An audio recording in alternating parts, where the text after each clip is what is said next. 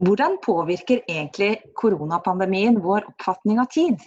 Det er spørsmålet som vi skal prøve å finne svar på i denne episoden av Pandemipodden til Senter for utvikling og miljø ved Universitetet i Oslo.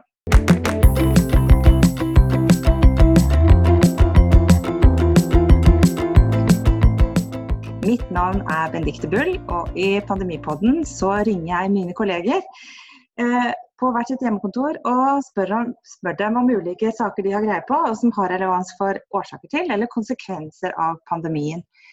I dag så har vi fått en, eh, en gjest eh, som har kommet med noen, noen innspill til eh, hva som egentlig skjer med oss eh, gjennom eh, koronapandemien, som jeg syns var så spennende at vi måtte invitere han inn. Det er Helge Jorheim. Eh, han er professor i kulturhistorie ved Universitetet i Oslo. God morgen, Helge. Hei, tusen takk for at du inviterte meg inn. Det er veldig hyggelig. Det er faktisk det første som er blitt invitert. Det er noen som har invitert seg selv tidligere. Men, eh, og jeg tror det, Du hadde en liten sånn videosnutt på Twitter som var veldig kort. Men eh, som snakket litt om det med tid og korona, som jeg tror mange av oss har reflektert over. Jeg har i hvert fall en sånn følelse Siden 12.3 så begynte tiden å gå veldig mye fortere. Mm. Dagene går ekstremt fort, eh, fort, selv om egentlig så føler jeg jo jeg gjør mindre enn jeg gjorde i tiden før dette her. Hva tror du det kan komme av? Dette må vi prøve å finne ut nå, da. Jeg, jeg, særlig for det er så forvirrende det der at det går veldig fort og veldig sakte. Og Det er jo liksom det gåtefulle her, tenker jeg. At, at på en måte så tror jeg mange har en følelse av at tiden går fort. Eh, på den andre siden så, så, sitter vi liksom og venter og opplever en sånn type langsomtid. Og Der er folk veldig uenige, og det kan variere fra dag til dag og nærmest time til time, tror jeg. Så Vi må prøve å finne ut av det. Jeg tror Når det gjelder det at det går fort, så tror jeg det er liksom det, det henger igjen, i hvert fall hos meg, den der erfaringen fra 12.-13. mars. Hvor du liksom eh, i løpet av noen timer så var verden helt, blitt helt annerledes. Eh, jeg satt på Litteraturhuset den dagen og begynte liksom dagen med å tenke sånn løst og fast over hvordan vi skulle innstille oss på, ja, på færre arrangementer etc. Og når dagen var omme, så var liksom Norge mer eller mindre stengt ned. Og i løpet av den dagen så skjedde ting, så hopet hendelser seg opp. Og Det er liksom erfaringen av, av rask tid, det er jo egentlig en erfaring av opphopning av hendelser og opphopning av hendelser som er ganske, i seg selv ganske dramatiske. Og Det skjedde jo mer i løpet av den dagen i forhold til administrasjonen av Norge eh, enn det har skjedd i mitt liv, liksom. Eh, nærmest, har jeg følelsen av. Så den følelsen der av at det plutselig akselererte voldsomt, den tror jeg henger litt i enda hos, hos mange av oss. Selv om jeg mener at den akselerasjonstakten i hendelser som direkte påvirker hvordan vi lever, den er jo ikke like høy. Nå er vi jo ja, nå skal vi åpne skolen igjen, men, men, før det så har det jo egentlig ikke vært så veldig mange sånne dramatiske nye sånn, endringer i hvordan Norge administreres. Da. Men jeg tenker at den, der, den dagen, de to dagene, 12. og 13. mars, de, de, sitter, de sitter, hardt i. altså Den erfaringen av akselerasjon som vi, som vi hadde da. Det tror jeg i hvert fall er én grunn. Jeg tror Den andre grunnen er, er paradoksalt nok litt sånn det motsatte. At tiden går også fort når, den, når, vi ikke fyller den med like mye. At tiden, det er med den der følelsen at ikke at tiden går fort, men at den blir borte. At dagen liksom bare Plutselig er dagen gått. Uh, er det det også? Jeg vet ikke om det er en erfaring at tiden går fort, men snarere at den liksom den blir borte. Ja. Mm, at når du har, du har, hatt en koronadag, så, ja, så har den liksom den, den, har på en måte ikke hatt så mange sånne Rytmene har falt litt bort. Det vi vanligvis gjør, det vi vanligvis uh, fyller tiden vår med er ikke like viktig. Vi går ikke på jobb, eh, middagen flyter litt ut. Kanskje går du, går du pysjen til klokka tolv. Sånne ting da, som gjør at dagen, eh, når den er over, føles som den nærmest har liksom blitt litt borte mellom, mellom, eh, mellom, fingrene på oss. Det er flere ting her altså, som er paradoksale kanskje noe, noen sånne milepæler i tiden, sånn som vi så den fremover. I hvert fall for min del så hadde jeg da masse planer. Jeg skulle på reiser, jeg skulle holde foredrag, jeg skulle dit, jeg skulle dit. Og det, alle var sånne milepæler i kalenderen. Og så var plutselig alt helt blankt. Mm. Og det blir litt sånn Tiden har ikke noen sånne holdepunkter lenger. Nei. Nei, altså tiden, Vi må jo tenke på at tiden er jo, er jo rytme for oss. Vi lager jo våre rytmer. Og vi lager alle våre livsrytmer, og noen av dem er veldig små, som man må stå opp og drikke kaffe og sånn å gjøre. Og noen av dem har med, med sånn ja, når det kommer til mai Mai skulle være min konferansemåte, f.eks. Da skulle jeg reise mye hit og dit og holde foredrag. Nå er jo mai mai er jo helt tom. Det er jo liksom egentlig ingenting i mai nå. Det er klart at den er, den, Når du mister nettopp som du sier, når du mister de der taktslagene, livets taktslag, de tingene du hadde lagt opp for deg selv som skulle være denne vårens rytme for meg, når jeg mister den rytmen, og når tiden liksom ja, den har noen sånne smårytmer gående, nærmest en sånn slags puls er det likevel. Men den, der, den biten som skulle liksom gi meg, eh, som skulle ta meg gjennom våren, den er jo helt borte. Den er jo fullstendig borte. Jeg marsjerer ikke sammen med noen, liksom. Jeg bare sitter her og, og trommer med fingrene på, på, på, skrivebordet for å få noen rytme i tilværelsen. Så det er noe med det som gjør at tiden blir veldig sånn Jeg, jeg tror mer enn at den, den, går fort eller langsomt, så er det den, den, den glipper hele tiden. Den blir sånn uhåndterlig og vagere og mer sånn flytende enn vi er vant til. Da. Men um, du er jo utdanna innen filosofi og har skrevet masse om det med tid. Hva, hva, er det på en måte som styrer vår oppfatning av tid? Nei, Det er jo masse forskjellige ting, selvfølgelig. Um, og Noe av det vi snakker om nå, det er jo sånn vi orienterer oss etter hendelser. Da. De styrer jo også erfaringen vår av hendelser. Eh, styrer vår oppfatning av tid, helt klart. Og så, og så er det alt det opplagte liksom, med mer sånn teknologiene. Klokka og kalenderen og eh, ukesrytmer og dagsrytmer og tidsmålinger og intervaller og sånn. Men jeg tror det som er viktigst, og det som vi, skal, det som vi på en måte eh, merker nå, tror jeg, det er at tiden er sosial mer enn noe annet. Tiden er ikke min. Altså, det er klart at min jeg føler at jeg blir eldre. Eh, jeg føler at det er noen liksom, private ting. Uh, mye har med kropp og kroppserfaring å gjøre. Men de, den, de, de viktigste delene av, av, av, på en måte tidserfaringen er jo sosiale. Vi deler det med andre. Tiden er noe vi hele tiden forhandler med andre og deler med andre og etablerer med andre. og Vi synkroniserer oss med det andre gjør. Uh, og Det som er greia nå, tror jeg, det er at det er, det er den grunnen til at tiden blir så underlig, er at det er den sosiale tiden, den sosiale tiden som glipper. At, at liksom man kunne si at sånn Social distancing er også litt sånn temple distancing. At den der, det sosiale arbeidet som vi bedriver hele tiden eh, for å ha et fellesskap, som er et arbeid med tiden, med å møtes, med å gjøre ting i, i samme rytme, med å være på samme steder til samme tid. Alt det arbeidet der, det, jo, det glipper jo fullstendig. Derfor så tror jeg at det som gjør at vi ikke nå vet om tiden går fort eller sakte, er at vi har på en måte ikke den, det sosiale fellesskapet som vi vanligvis bruker til å regulere og til å synkronisere tidserfaringene våre. Så jeg tror det er mye av det nå har jeg tenkt på, som gjør at ting føles så, så litt sånn ute av tiden. Mm. Kan det være litt sånn også at vi går nå inn i en liksom mer sånn individuell tid, og at da å gå ut i det sosiale igjen nesten blir oppfatta som litt mer byrdefullt. Jeg tenker at for meg når jeg er på jobb og så gå på et møte, det er bare en del av dagen. Og det tar jo ikke nødvendigvis fryktelig lang tid. Nå syns jeg det at jeg må koble meg på Zoom på noen tidspunkt, kan være nesten uoverkommelig. Men er det fordi at jeg har liksom gått litt sånn inn i meg sjøl, inn i min individuelle tid, og da krever det litt mer å gå ut igjen? Ja, det tror jeg. Det tror jeg definitivt. At det der, nettopp det der at nå kan du på en måte la, eh, la kroppen din og dine sånne emosjoner og affekter styre mer. Da. Ikke sant? Du kan sove lenger. Hvis du er en sånn som vil sove lenger, så kan du sove lenger.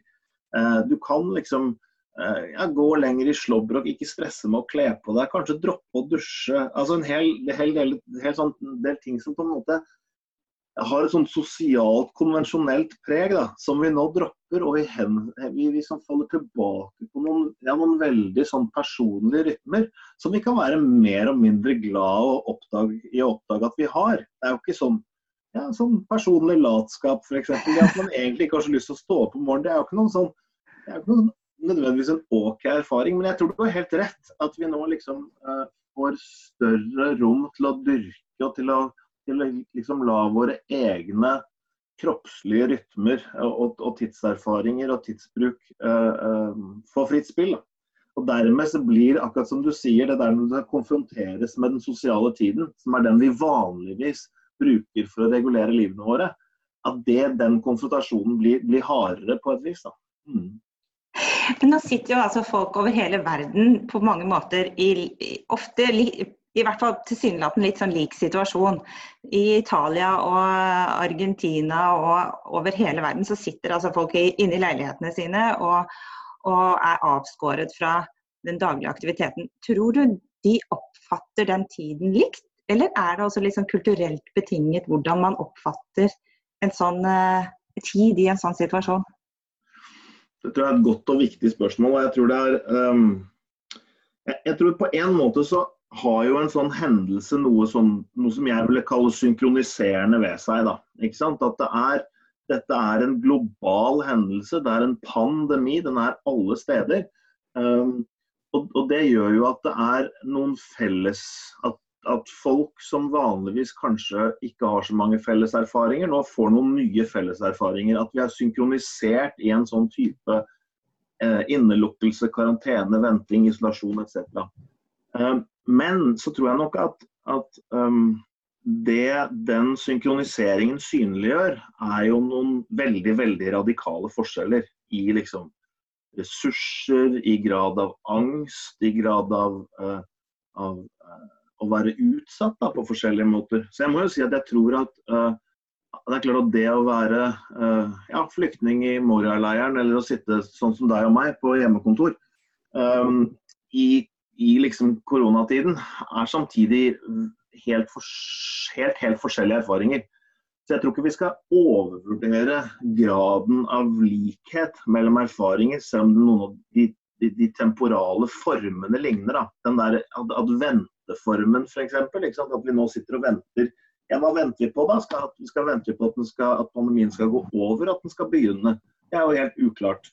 På en måte så slipper vi opp igjen. På den andre siden så så er det jo snakk om at ja, toppen kommer i juni, juli, august. Jeg vet ikke hva som, er, hva som er det vi sier akkurat nå. At vi sitter jo, jeg tror mange mennesker sitter på en måte og venter.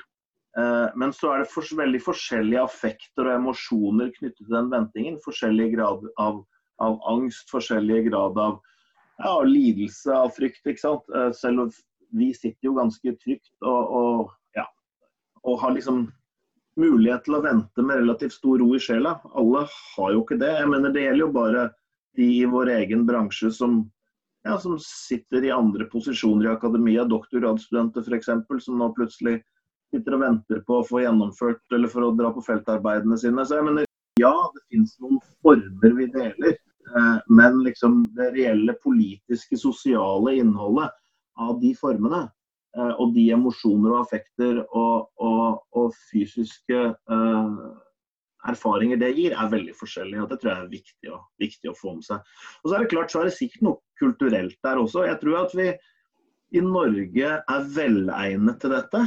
Eh, vi er jo eh, opptatt av hjemmene våre. Vi er jo veldig opptatt av å ha fine hus og leiligheter. og altså Sammenlignet med andre steder hvor jeg har bodd, så er det jo mye mer opptatt av av, av der vi bor, enn en franskmenn f.eks., som jo har mye mer ofte liksom ikke investert så mye i hjemmene sine.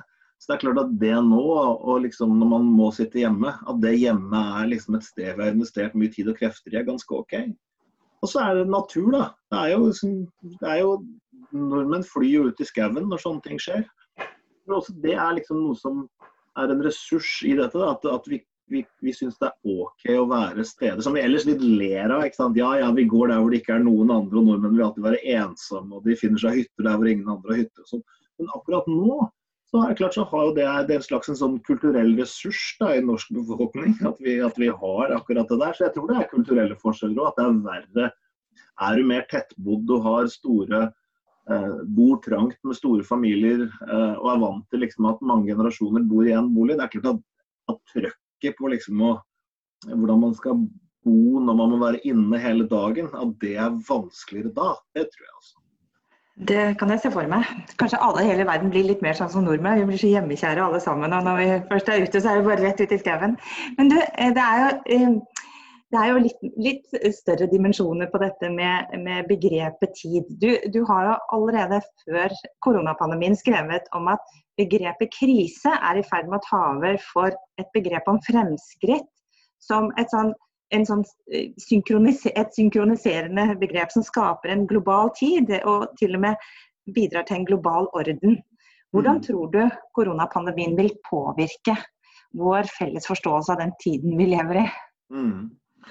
Nei, jeg har, jeg har tenkt rundt det fordi at um, det er jo, Krise er jo blitt navn på en hel masse forskjellige politiske og sosiale prosesser som foregår globalt akkurat nå. Flyktningkrise, klimakrise, finanskrise og nå også koronakrise. Så jeg, jeg syns det er ting som tyder på at uh, når vi skal forstå hva som er spesifikt ved vår tid, så er det i mye større grad krisebegrepet som vi tenker på som, som det som på en måte best setter ord på våre erfaringer og den politiske situasjonen vi er i, og den økonomiske situasjonen vi er i, og ikke minst klimasituasjonen.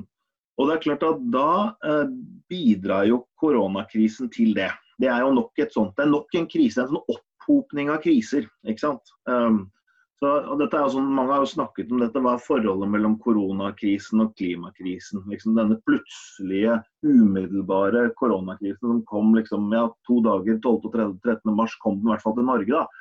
Og klimakrisen som jo, selv om den akselererer, jo fortsatt er en mer sånn pågående, eh, permanent tilstand, nærmest. ikke sant? Hvordan tenker vi rundt de tingene? At mens vi nå sitter her og bruker all vår energi på å tenke på koronakrisen, hvor, så pågår jo klimakrisen som en pågående prosess, selv om den kanskje har det litt, klima klimaet har det litt lettere akkurat i disse dager. Hvis, hvis Norwegian skulle gå konkurs, eller altså hvis flyalderen slutter. Um, så, så um, jeg, jeg, tror det, jeg tror dette er nok et eksempel på den kriseopphopningen. Men jeg tror også den illustrerer jo veldig godt at um, kriser er veldig forskjellige. Og jeg tror det er en risiko knyttet til det å tro at en krise er en krise. Liksom. At, uh, at koronakrisen, klimakrisen, flyktningkrisen um, de, de, vi kaller dem alle kriser, men de utspiller seg på forskjellige måter, har forskjellige konsekvenser. og jeg tror For å forstå dem og handle i forhold til dem og avhjelpe dem, så må vi også skjønne at det er helt forskjellige ting. At, at den finanskrisen vi nå går inn i, eh, den er på en måte en del av, av kapitalismens gang. Det, er, det, kommer finanskriser, og så er det kapitalismens jobb å, å dra oss ut av den igjen. Det er liksom sånn det har vært. Mens mens, eh, mens, klimakrisen jo nå er en mye mer sånn vanskeligere å se at det er en krise som skal gå over med det aller første. Så jeg tenker, jeg tenker vi må, Og koronakrisen setter lys på det der konglomeratet av kriser som vi, som vi, forholder oss til nå, og som vi må forholde oss i framtiden. Så, så det at sånne, sånne hendelser og måten vi begrepssetter dem på, skaper globale tidsordener, det tror jeg nok. Det har vært snakket veldig mye om liksom, enden på den liberale verdensorden. og Da peker man gjerne på års at årsaken er Kinas framvekst som utfordrer USA. Men kan det også faktisk være et resultat av at den liberale verdensorden var veldig stor grad bygget på begrepet om framskritt? Og at det, eh, det beskriver ikke egentlig tidsånden, og derfor så og, i et sånn krise, mer et sånn krisebegrep ikke på en måte bygger opp under en sånn verdensorden? Ja, det tror jeg. tror jeg er helt riktig. Og jeg tror at den der, ja, den liberale verdensorden som har på en måte både et politisk og et økonomisk um, forløp innebygget i seg, som peker mot mer, mer demokrati og, og, og større, kapitalistisk, større kapitalistiske økonomier. at det der, den der, det krukset der, da, den sammenhengen der, eh, som på en måte har vært motoren for en sånn fremskrittstanke, at den liksom på forskjellige måter ikke er like troverdig. Eh, og så når den møter eh, klimaproblematikken, som jo peker på at, at dette, dette, treet vokser ikke inn i himmelen. Dette treet slutter å vokse ganske snart, liksom. Eh, fordi at uh, trær vokser dårligere, uh, på en måte. Så det er, det er jo det er noe med at jeg tror de de, for, de, forskjellige eh, mekanismene der til sammen liksom, gir oss et hint om at framskritt og liksom, Poenget med framskrittstanken er jo at hvis den ikke kan fortsette i det uendelige, så fins den på en måte ikke. Fordi at Framskritt forutsetter jo at framskritt skal bare fortsette. Den kapitalistiske økonomien skal jo bare vokse. Den skal jo ikke stoppe noen gang. Ikke sant? Og Det er jo det som er situasjonen nå. Det krisetenkning gjør, og det koronaepidemien gjør, er at den sier at nei, men kanskje stopper noe her. Kanskje er det ikke sånn at ting bare fortsetter inn i inn i evigheten. Kanskje er ikke fremtiden helt åpen. Kanskje er det noen ting som rett og slett stopper og ikke, ikke, ikke kommer tilbake, ikke kan fortsette. Og Det er på en måte den, den muligheten som ligger i krisetenkningen. Å si at ja, her er det noe som slutter. Dette er enden på noe. Og så er det da forhåpentligvis begynnelsen på noe annet. Og jeg mener, for eksempel så, så kan man tenke seg at dette er enden på, på det man kunne kalle flyalderen. Ikke sant? At siden begynnelsen av 90-tallet eller noe sånt, når vi begynte sånn fanatisk og frenetisk å fly og fly og fly og fly. Vi husker jo at det ikke var sånn. at var For å komme deg noe sted, så tok du tog, for hadde ikke råd til å fly. Så den der perioden hvor vi liksom begynte å fly så enormt mye, at kanskje den fasen nå At det er en av de tingene som slutter, da. Eh, det syns jeg er sånn det fascinerende med å tenke sånn som historiker, da, hvis vi skal tenke at en historiker skal se tilbake på koronakrisen og tenke hva, hva, var det egentlig som skjedde da? Hva slags, hva slags, hendelse kommer det til å være i et historisk perspektiv? Det er jo et stort spørsmål. Hva er det som slutter, hva er det som begynner? Um, og det, det, tenker jeg også en sånn nyttig måte. Så alle er en sånn god øvelse da, å tenke OK, hvordan, uh, hvordan kan vi tenke oss at dette kommer til å se ut om ja, 100 år. Og dere som driver med, altså Historikere driver jo med periodetenkning. Mm. Så hva tror du det er mest sannsynlig at vi kommer til å snakke om eh, denne, dette som slutten på, eller begynnelsen på? Ja, det er det. Jeg synes det er, jo, eh, det er jo Vi lever jo først og fremst i en periode av enorm og uforutsigbarhet. Så dette blir jo på en måte Det blir jo spekulasjon, og det blir um, ja, vi ender jo opp som optimister og pessimister på, på, noen, på noen, måte da, når vi gjør denne type sånn fremskrittsspekulasjoner. Eh, men, men, jeg tror at, eh, at, kommer, at, vi kommer til å reise mindre. Jeg tror at det blir slutten på en periode hvor eh, veldig mye av våre liv, vi som liksom tilhører en eller annen type sånn elite som har ressurser til å, til å dyrke våre faglige eller økonomiske interesser, eh, som har liksom definert oss som noen som reiser hele tiden. Eh, jeg kan se for meg at det der blir vanskeligere, altså. Og jeg håper nesten også det at den derre at vi i hvert fall avkrever oss selv noen litt større grad av regnskap. Nå snakker jeg om meg selv, egentlig. når når jeg ser på kalenderen min og ser hvor mye jeg skal reise. Så jeg tenker kanskje at det er liksom noe som kommer til å skje. At, at, det å fly blir litt dyrere og ikke noe vi gjør absolutt hele tida, liksom. Noe sånt. Og så håper jeg jo uh, at, uh, at det på en måte jeg, jeg, ser at det er vanskelig å, å, tenke seg at dette skal liksom kunne bidra til et grønt skifte. Men um, det er jo kanskje å håpe at det likevel eh, kan være slutten på um, deler av den oljebaserte økonomien og begynnelsen At det kan gi, gi mer kraft til andre typer økonomier. Da. Ikke minst i forhold til det digitale. Det er et av de store spørsmålene her nå, sånn som du og jeg sitter nå på Zoom.